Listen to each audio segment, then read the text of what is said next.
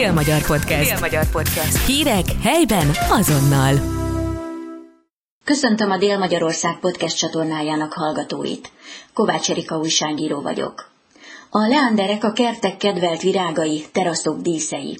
Már az ókorban is dísznövénynek ültették. Az első ábrázolásai a 14. századból maradtak fenn Krétáról. Míg néhány évtizede jobbára csak a mediterrán területeken gyönyörködhettek a magyar turisták a színes leánderben, ma már a klímaváltozás miatt vígan megél nálunk is. Bár elvileg nem igényel magas szintű szakértelmet a gondozása, mégis könnyű elrontani. Mit tegyünk, hogy egész nyáron virágban pompázzon? Szabad földben neveljük nyáron, vagy maradhat cserében? A fő kérdés pedig, hogy telelhet-e kint a leander, vagy ez ördögtől való gondolat. Ezekről beszélgettünk Sipos gazdával, vagyis Sipos József növényorvossal. Sokak kedvelt kerti növénye, a leander, minden színben pompáznak, a közterületeken is sok helyen van, például Hódmezővásárhelyen is vannak szép, óriási nagy leanderek, de én úgy tudom, hogy ez egy eléggé egyszerű növény, de nem mindenki tudja mégsem megtartani. Mi a titka a leandereknek?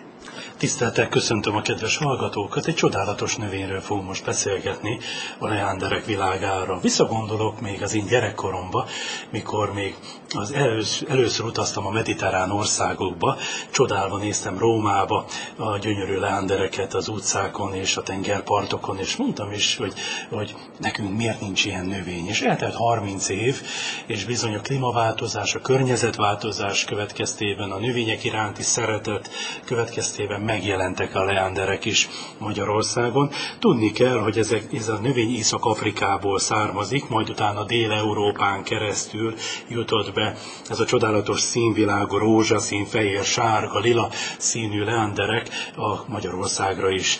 A leándereknek egy külön lelki világa van. Tudni kell, csak ki szeretném emelni, hogy mérgező növényről van szó, tehát ezért kérem a, a kis gyermekekkel óvatosan közelítsük meg, nehogy a levelet szájába vegye, vagy a virágot letépje, és utána e, különféle egészségügyi problémák legyenek, vagy figyeljünk oda házi állataink tekintetében, a kutyus ne rágja a leveleket, mert komoly gondok alakulhatnak ki. Amennyire egyszerűnek gondoljuk a leandernek a dísz, díszlését, vagy éppen fejlődését a kertjeinkbe, azért összetett világról van szó. Sok praktikára, sok szakmai trükkre van szükség ahhoz, hogy szépen a következő évben is egy szép virágzó növényünk lehessen. Áruljuk el ezeket a praktikákat első legfontosabb dolog a leándár esetében, akkor induljunk el onnan, hogy a tereltetés, tehát induljunk onnan, hiszen a következő évre készülünk. Sokan kérdezik tőlem a gazda oldalon is, hogy most bevigyük-e a zárt helyre, garázsba, vagy épp hagyjuk kint a növényt. Az elmúlt időszaknak az időjárási változása következtében elmondható, hogy nincsen nagyon tél. Egy-két napig, vagy egy hétig van körülbelül mínusz 8-10 fokos hőmérséklet, és körülbelül be is fejeződött a téli időszak, és ha ezt ki tudjuk védeni a leánderünkkel, megfelelő fejlettségű, tehát az idősebb leánderek, megosztom a kedves hallgatókkal, hogy nekem is van három, 30 évnél idősebb leánderem, és, és ez még édesanyámtól kaptam ajándékba, szüleim szüleimtől. Büszke vagyok nagyon rá. És ezeket kint teleltetem. De a titka a következő. Beteleltetés előtt káliummal, kálciummal öntözöm be a leandereket, ez a télállóságot segíti. A ágvégeket visszavágom, és a kinti időszakban ezeket a növényeket jutazsákkal, illetve fátyolfólia keverékkel, tehát egy fátyolfólia, a jutazsák szellős, sose szabad fóliával betakarni, szépen így ebbe a kemény téli időszakokba, pár napba betakarom.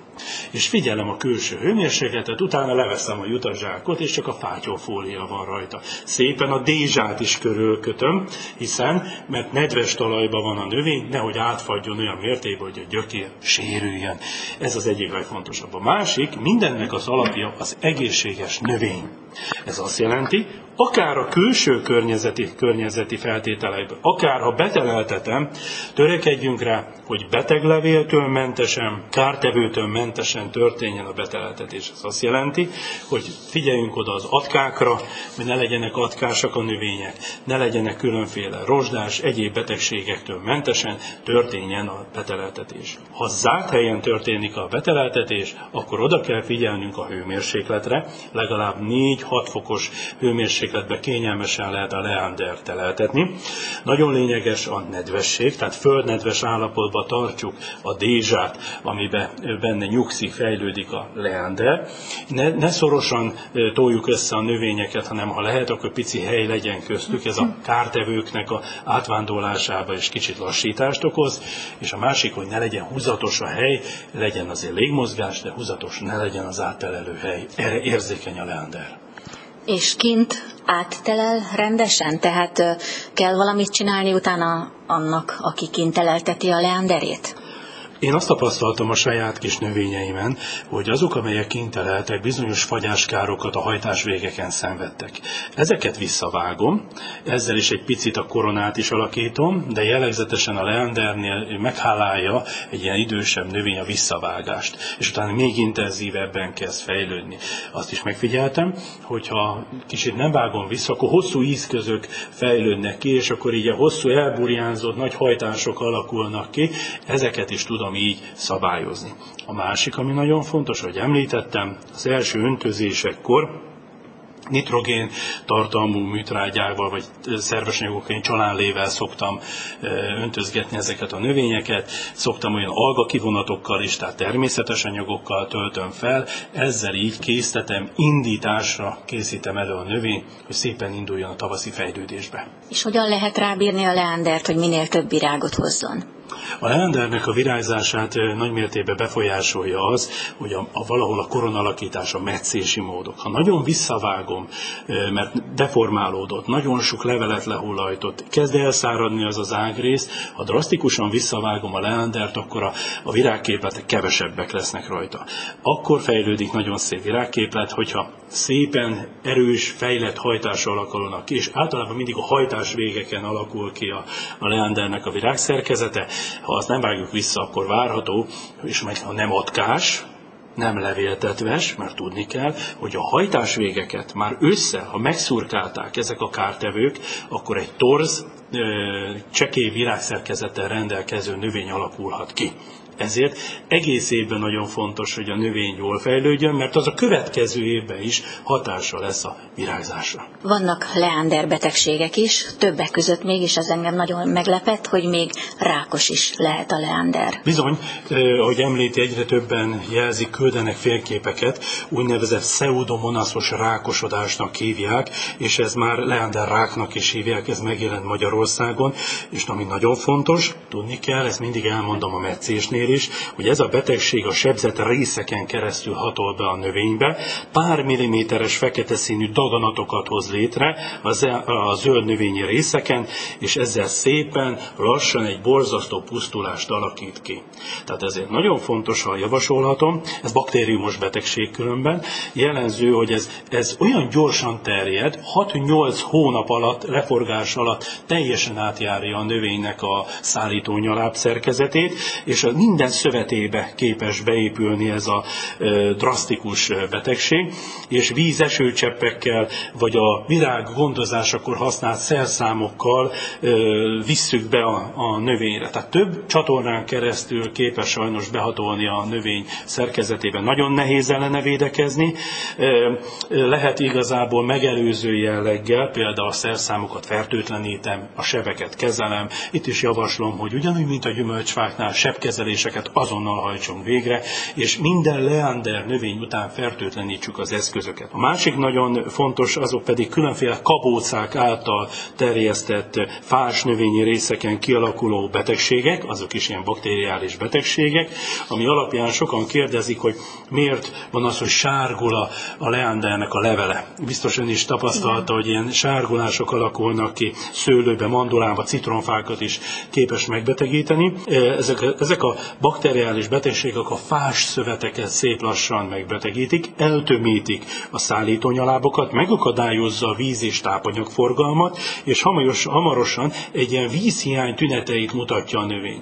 Nagyon sokan elmondják, hogy öntözöm megfelelően a leander, és mégis hullatja a levelét. Ez azért van, mert mint az eltömődött ér, nem, kap, nem megy a szállítónyalában a víz, nem megy a tápelem, és a aszály, a vízhiány tüneteit mutatja a növény. Nagyon nehéz ellenük védekezni, sajnos ez képes elpusztítani részlegesen, vagy teljesen is a növényt. Gombás betegségek tekintetében még gyakran merült fel ez a piknidiumos gombák közé tartozó betegség, ami leginkább a teleltetés időszakába, ha már beszélgetünk a teleltetésről, a teleltetés időszakába támad, és az össz, a föld, össz, föld, tehát föld feletti részét a növénynek minden részét képes károsítani, és ezért van az, amikor kihozzuk teleltetésből a lehetet, hogy össze vannak száradva a levelek. Na ez ennek a gombás betegségnek a tünetei ezeket le kell szedni, és úgynevezett lemosó permet ezért célszerű a leandereken is elvégezni. De nem feledkezhetünk el a kártevőkről se. Itt megemlítem a takácsotkát, alattomos, alattomos, veszélyes kártevőként szeretném kiemelni.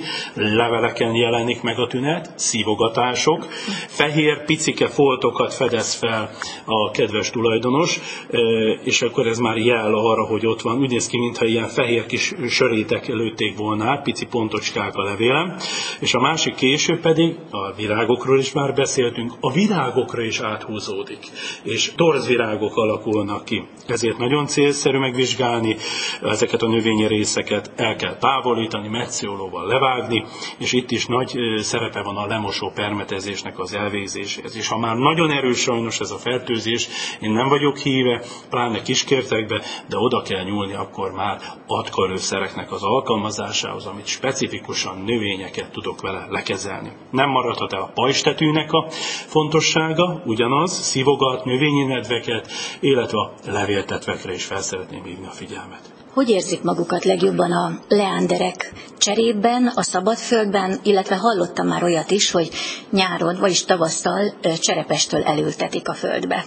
A Leandernek nagyon fontos gyök, nagy gyökérrendszerrel rendelkezik, tehát eh, nagyon jól érzi magát egy nagy 10-től egészen 50-100 literes dézsákba, ahol a gyökérrendszer szépen el tud terülni. Nagyon fontos számára a jó laza talajszerkezet, és könnyen kialakulhat nála, ha sokáig ebbe van, át kell ezt is ültetni az úgynevezett talajuntságnak a problematikája, ami azt jelenti, az öntőző vízzel kimossuk a tápelemet, meg feléli a növény a tápelemet, és utána vagy át kell ültetni, úgynevezett ültető földet kell frissíteni, általában úgynevezett általános virágföldet szoktam javasolni, ami segíti a leandernek a fejlődését, és a másik pedig el, el, el szokták ültetni ugye, úgy vele együtt, de én azt mondom nem, nagyon jól mutat általában nagyobb dézsába, nagyobb tárhelyen rendelkező edénybe, de ha ki is ültetjük, akkor ki kell venni belőle, és jól, mint egy gyümölcsfát